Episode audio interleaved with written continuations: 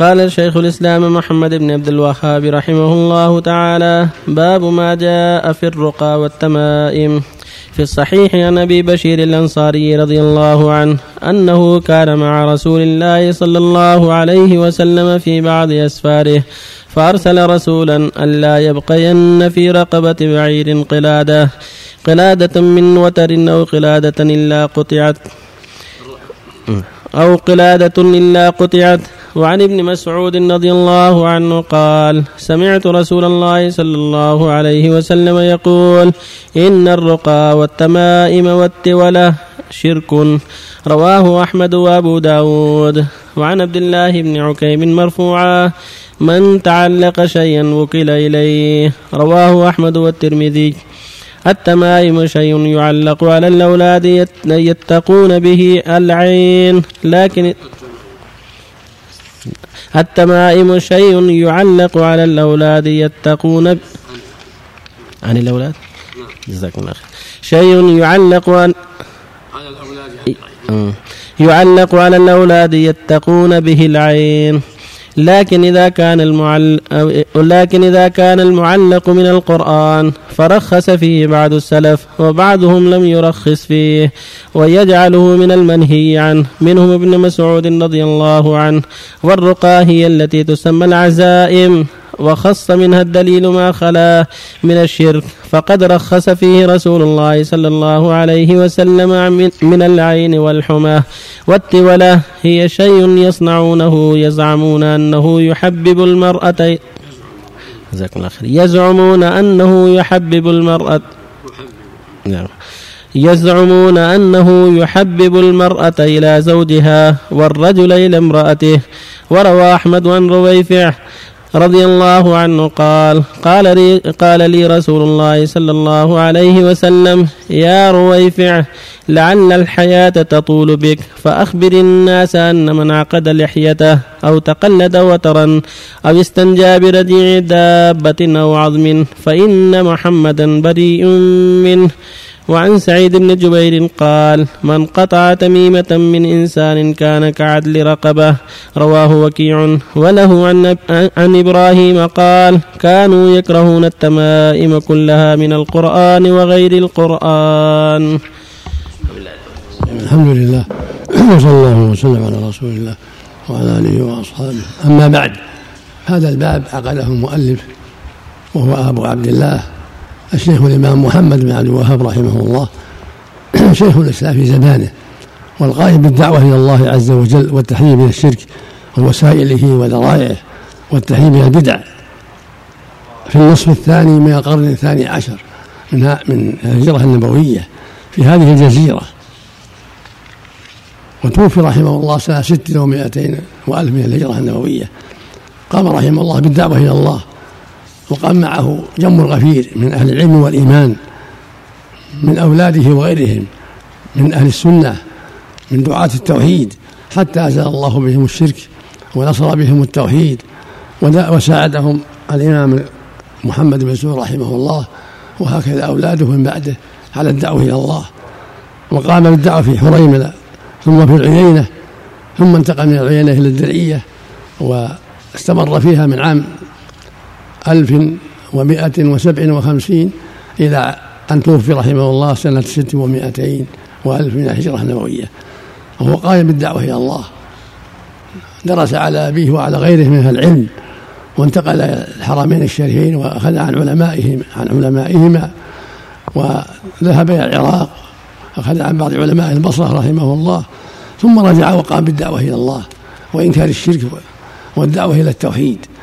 وكان كثير من الناس يتعلقون على الأموات والأشجار والأحجار ويدعونهم من دون الله ويستغون بهم وينظرون لهم. فبين لهم رحمه الله أن هذا هو الشرك وأن هذا هو دين الجاهلية التي الذي قاتلهم النبي عليه الصلاة والسلام. فهدى الله على يديه من من سبقت له السعادة واستقام أن يجعل توحيد الله ودين الله وابتعدوا عن الشرك. ثم انتقل الدعاة من نجد إلى الحرمين وإلى غيرهما من الشام وما والعراق وغير ذلك ونقل هذه الدعوة العلماء إلى الهند وغيرها ونفع الله بها المسلمين في مصر والهند وغير ذلك وشارك علماء السنة في مصر والهند والشام شاركوا في هذه الدعوة المباركة ودعوا الله ودعوا الناس إلى توحيد الله والإخلاص له حتى انتشر الخير. وعظم الأمر وهدى الله كثيرا من أهل الشرك والبدع إلى حقيقة التوحيد بسبب هذه الدعوة وأنصارها في كل مكان. وهذا التوحيد هذا الكتاب كتاب مبارك ألفه المؤلف رحمه الله لبيان حقيقة التوحيد وحقيقة الشرك ووسائل الشرك وذرائعه وبيان كثير من البدع للتحذير منها. ومن ذلك هذا الباب. يقول رحمه الله باب ما جاء في الرقى والتمائم. يعني باب أحكام الرقى جمع رقية وهي ما يقرأه الناس على المرضى والتمائم وهي ما يعلق على الناس يسمونها التمائم يسمونها الحروز يسمونها الجوامع. وهي شيء يعلق على يعلق على الصبي وعلى المريض إما في رقبته وإما في عضده يسمونها الحروز يسمونها الجوامع يسمونها التمائم. وهي منكرة وشرك أنكرها النبي صلى الله عليه وسلم وحذر منها. قال من تعلق تميما فلا أتم الله له. من تعلق تميما فقد أشرك.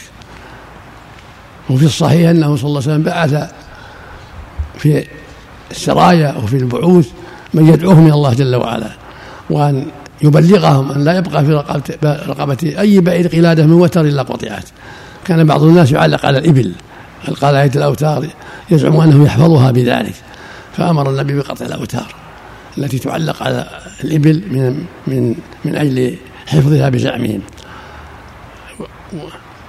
قلادة من وتر أو قلادة يعني قصد بها هذا المعنى. أما القلائد التي للقيادة والزينة فلا بأس بها.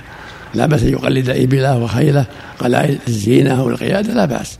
ولكن أما يقلدها للدفع دفع البلاء وتسمى, وتسمى الأوتار وتسمى التماء هذا لا يجوز. لا إبل ولا غيرها. وهكذا حديث مسعود يقول صلى الله عليه وسلم إن الرقى والتمائم والتبل الشرك. الرقى يعني المجهولة والتي فيها شرك والتي يعتمد أهلها عليها دون الله هذه من الشرك. وهكذا التمائم وهي الحروز المعلقة من الشرك. وهكذا التوالة وهي الصرف والعطف. نوع من السحر يستعمله النساء في الغالب. تصف به المرأة زوجها إليها وهذا يسمى الصرف والعطف. وهو من أنواع السحر. كلها سماها النبي من الشرك عليه الصلاة والسلام. ويستثنى من هذا الرقى الشرعية الرقى بالقرآن والدعوات الطيبة غير داخلة في هذا. لقوله صلى الله عليه وسلم لا بأس بالرقى ما لم تكن شركا. وقد رقى النبي ورقي عليه الصلاة والسلام ولا قال لا رقية إلا من عين أو حمى. لا رقية كاملة تامة إلا من عين أو حمى من عين العائن. والحمى السم ذوات السموم. وفي حديث الحديث الآخر في صحيح مسلم لا بأس بالرقى ما لم تكن شركا. وقد رقى النبي ورقي ورقى الصحابة رضي الله عنهم وأرضاهم فلا بأس بالرقية إذا كانت بالقرآن أو بالدعوات الطيبة لا بأس بذلك. أما الرقية بالأسماء المجهولة أو الدعوات المجهولة أو باللغات المجهولة فلا تجوز. أو الرقية التي فيها شرك لا تجوز. فالرقية الشرعية لابد فيها من شروط ثلاثة. أن تكون بلسان عربي معروف وأن تكون وأن يكون ليس فيها محذور شرعا والشرط الثالث أن لا يعتمد عليها. بل يعتقد أنها سبب إن شاء الله نفع بها وإن شاء لم ينفع بها. العمدة هذا الله سبحانه في كل شيء. ويقول المؤلف رحمه الله وعن عبد الله بن عكيم رضي الله عنه أن النبي عليه السلام قال من تعلق شيء وكل إليه. من تعلق على التمام وكل إليها من تعلق الودع وكل إليه. من تعلق على الرقى وكل إليها. من تعلق على الله كفاه الله. ومن يتوكل الله فهو حسبه. فالإنسان يفعل الأسباب ويعتمد على الله. لا على السبب. يفعل الأسباب ولكن يعتمد على الله. فالمفرقات جائزة. والأدوية جائزة لكن مع الاعتماد على الله سبحانه وتعالى. سئل الرسول قال له سائل رسول الله إنا لو الرقى نستقي بها ودوان به هل يرد من قدر الله شيئا؟ قال صلى الله عليه وسلم هي من قدر الله الرقى والدعوات والكي وكله من قدر الله سبحانه وتعالى. يقول المؤلف رحمه الله التمائم شيء يعلق على ولد يسمونه التمائم يسمى الحروز والغالب تعلق على الأولاد الصغار. وقد تعلق على الكبار. فما كان من القرآن والدعوات الطيبة لا بأس به عند جمع من أهل العلم والصواب انها يحرم. ولهذا قال تنازع الناس في هذا إذا كان من القرآن. والصواب أنه لا يجوز حتى من القرآن لعموم الأدلة عموم النهي عن التمائم. ولأن هذا قد يشتبه يعلق هذا وهذا لا يشتبه. ولهذا قال إبراهيم يعني النخعي كانوا يكرهون يعني اصحاب مسعود التمائم كلها من القرآن وغير القرآن. والحديث عامة تعم ذلك. من تعلق أتم فلا أتم الله له. من تعلق بما قدس هذه يعم التمايم التي من القرآن ومن غير القرآن. وهكذا الصرف والعطف والتولة السحر كله منكر لا يجوز. وجميع التمايم مطلقة ممنوعة أما الرقى فيها التفصيل. ما كان باللسان العربي وما كان معروف المعنى ولا يعتمد عليه بل على الله جل وعلا فلا بأس. النبي رقى والرقي عليه الصلاة وقال لا بأس بالرقى ما لم تكن شركا. وقال لرويفع بن ثابت قال يا رويفع لعل الحياة تطول بك فأخبر الناس أن من عقد لحيته أو تقلد وتره أو استنجى برجع دابة أو عظم فإن محمدا بريء منه هذا يدل على منع عقد اللحى للتكبر والتعاظم. هذا لا يجوز. أو عقدها للتشبه بمتشبه بالنساء والمخنثين هذا لا يجوز. بل يجب توفيرها ولكن يكون على وجه ليس فيه تكبر ولا تشبه بأعداء الله. يوفرها ويربيها ويتركها كما رباها النبي وتركها ووفرها عليه الصلاة والسلام. وعقد اللحى محمول عند العلماء عقدها على سبيل التكبر أو التشبه بأهل التخنث والنساء والنساء. هذا لا يجوز. وهكذا إذا تقلد الأوتار والتمائم لا تجوز فإن محمدا بريء منه. وهكذا لا يستنجي بالرجيع ولا بالعظم لا يستنجى بالعظام ولا بالبعر. الرسول نهى عن هذا. وقال إنهما طعام إخوانكم من الجن. كل بعرة ذكر رسول الله عليها كل كل بعرة من من البعر يكون تكون آفة لدوابهم وكل عظم ذكر رسول الله عليه يكون عليه أوفر ما كان لحما لهم. فلا يستنجى بالرجيع ولا بالعظام لا بالبعر ولا بالروث ولا بالعظام. ويقول سعيد بن جبير التابعي الجليل رحمه الله من قطع تميم الإنسان كان كعد رقبة. من قطع تميم الإنسان كان هو اعتقه كعد رقبة فإذا قال هذا لا يجوز وقطعها إذا كان يقدر وأزالها كانه اعتق كانه اعتق رقبه وجاء وفد إلى النبي صلى الله عليه وسلم يسالونه الزاد والشراب والطعام فقال لكم كل بعرة على فلدوالكم ولكم كل عظم ذكر رسول الله عليه يكون أوفر ما كان لكم لحما. ولهذا نهى عن الاستجاء بالعظام والأرواح كما رواه مسلم في الصحيح. وكما في حديث رويفه هذا. وقال إبراهيم النخعي رحمه الله كان أصحاب المسعود رضي الله عنه يكرهون التامة كلها من القرآن وغيره. وهذا وهكذا ابن مسعود رضي الله عنه ينهى عنها ويحرمها من القرآن وغير القرآن سدا للذريعة. وعملا بعموم الأحاديث الدالة على منع التمائم وسدا لذريعة التساهل في هذا والالتباس. آه، وفق الله الجميع هل يجوز الإنسان للمسلم أن يرقي الكفار كافر؟ لا بأس أن يرقي مثل ما يعطيه دواء إذا كان مستأمن له عهد. أما الحرب لا أما إذا كان مستأمن معاهد مستأمن لا بأس. يرقيه أو يداويه أو يساعده بشيء من المال لا بأس. كان فقير. إذا أخذت أحسن الله إليك من صاحبها لأجل تعليم الناس عليها وفتحها لهم وحتى يريهم. هل في هذا شيء؟ لا بس برضاه لا بدون نزاع أما كان نزاع لا يرجع إلى أهل الأمر مثل الهيئة مثل الإمارة. ما يصير بينه وبين نزاع أما إذا هداه الله وأعطاه إياه لا بأس. عليك. إذا أخذها منه برضاه وهداها الله وانتهى بالنصيحة توريها غيره حتى هذا لا يجوز. وهل يجوز أحسن كأن يوقف بها ويبين للناس؟ إذا بين الناس ما الواجب بيان الحق. هذا من الدعوة إلى الله. الله الشيخ محمد بن عبد الوهاب كم مكث في الدعوة هنا؟ مكث في الدعوة قريب من ستين سنة من 44 تقريبا أو 45 إلى ست قريب 50 سنة أو أكثر أو ستين سنة حتى يستسلم الناس رحمه الله يغفر له هو كان في حريملة نعم. لما قدم إلى العراق ثم انتقل من حريملة إلى العيينة عند عثمان بن معمر أميرها وساعد على ذلك وكان في الجبيلة قبر لزيد بن الخطاب مبني عليه بنية فهدموه. ثم انتقل من العيينة إلى الدرعية عام 57 من عام 57 و100 فمكث في الدرعية من 57 يعني 44 سنة وست من عام 1313 صار 50 سنة في الدنيا وسنوات قبلها في عيانه وسنوات في حريمة. يمكن ست سنوات رحمه الله. بعد السبعين لأن عمره 91 سنة رحمه الله. وكان وكان ال سعود معه في هذه الفترة كلها. في الدرية لما كان في الدرية. سنة 57 بدأ الدعوة في 58 في الدرية. والإمام محمد بن سعود أميرها كان معه في هذا. نعم. خمسين سنة رحمه الله. ثم ابنه عبد العزيز معه. ثم أولاده نعم. غفر الله له. هل في وقته كان الشرك منتشرا؟ نعم. هل في وقت وقته كان الشرك منتشرا؟ كيف؟ يقول كان في وقته. نعم لا لا ما في شك ما في شك. في نجد في نجد وفي الحجاز. نعم. الله يرحمه. الماء الذي يقرأ فيه هل ورد فيه شيء؟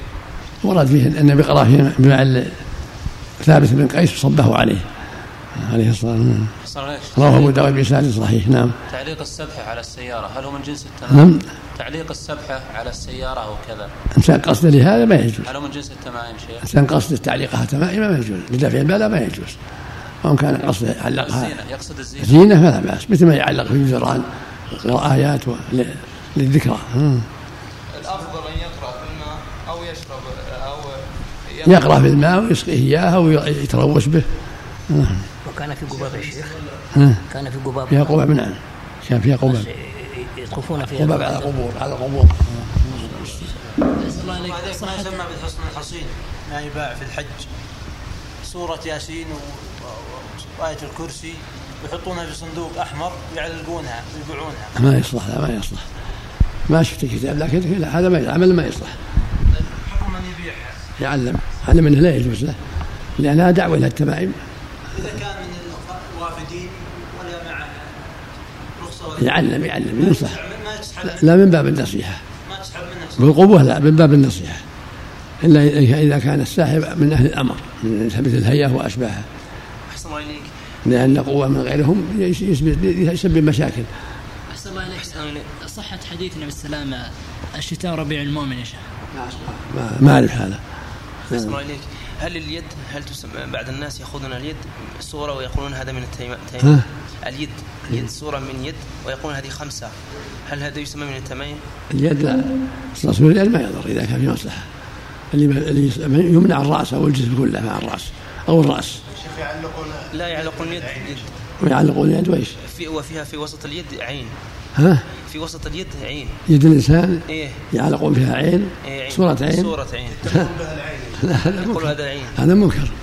نسأل الله العافية تعرف هذه في حكم الشرك؟ صلى الله عليك إذا اعتقد بأنها شركا أصغر شركا أصغر.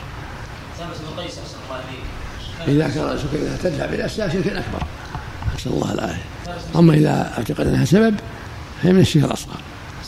ثابت بن قيس كان محسود أم مسحور؟ نعم. ثابت بن قيس رضي الله عنه. كان محسود أم مسحور؟ من هو؟ ثابت بن قيس الذي قرأ النبي صلى الله عليه وسلم في ماء ثم صبه عليه. كان مريض ما ما تذكر هذا المرض. كان مريض رضي الله عنه. ما تذكر هذا المرض صب الماء عام عليك نعم. وهكذا على جابر إذا مرض توضأ النبي وصبه عليه. صلى الله اللهم صل على سبحانه هذا عام يا شيخ. عام. ما في بأس إذا قرئ نعم. كذلك لما عانى أمر النبي عامر أن يغسل وجهه وتمضمض ويغسل كفيه وركبتيه وأطراف قدميه وداخل جزاره وصب على سهل ففعل وصبوه عليه وعافاه الله. حكم عام. نعم. جزاك الله خير. سبحانك الله الله يبارك في أيامك ولا طاعتك جزاك الله خير.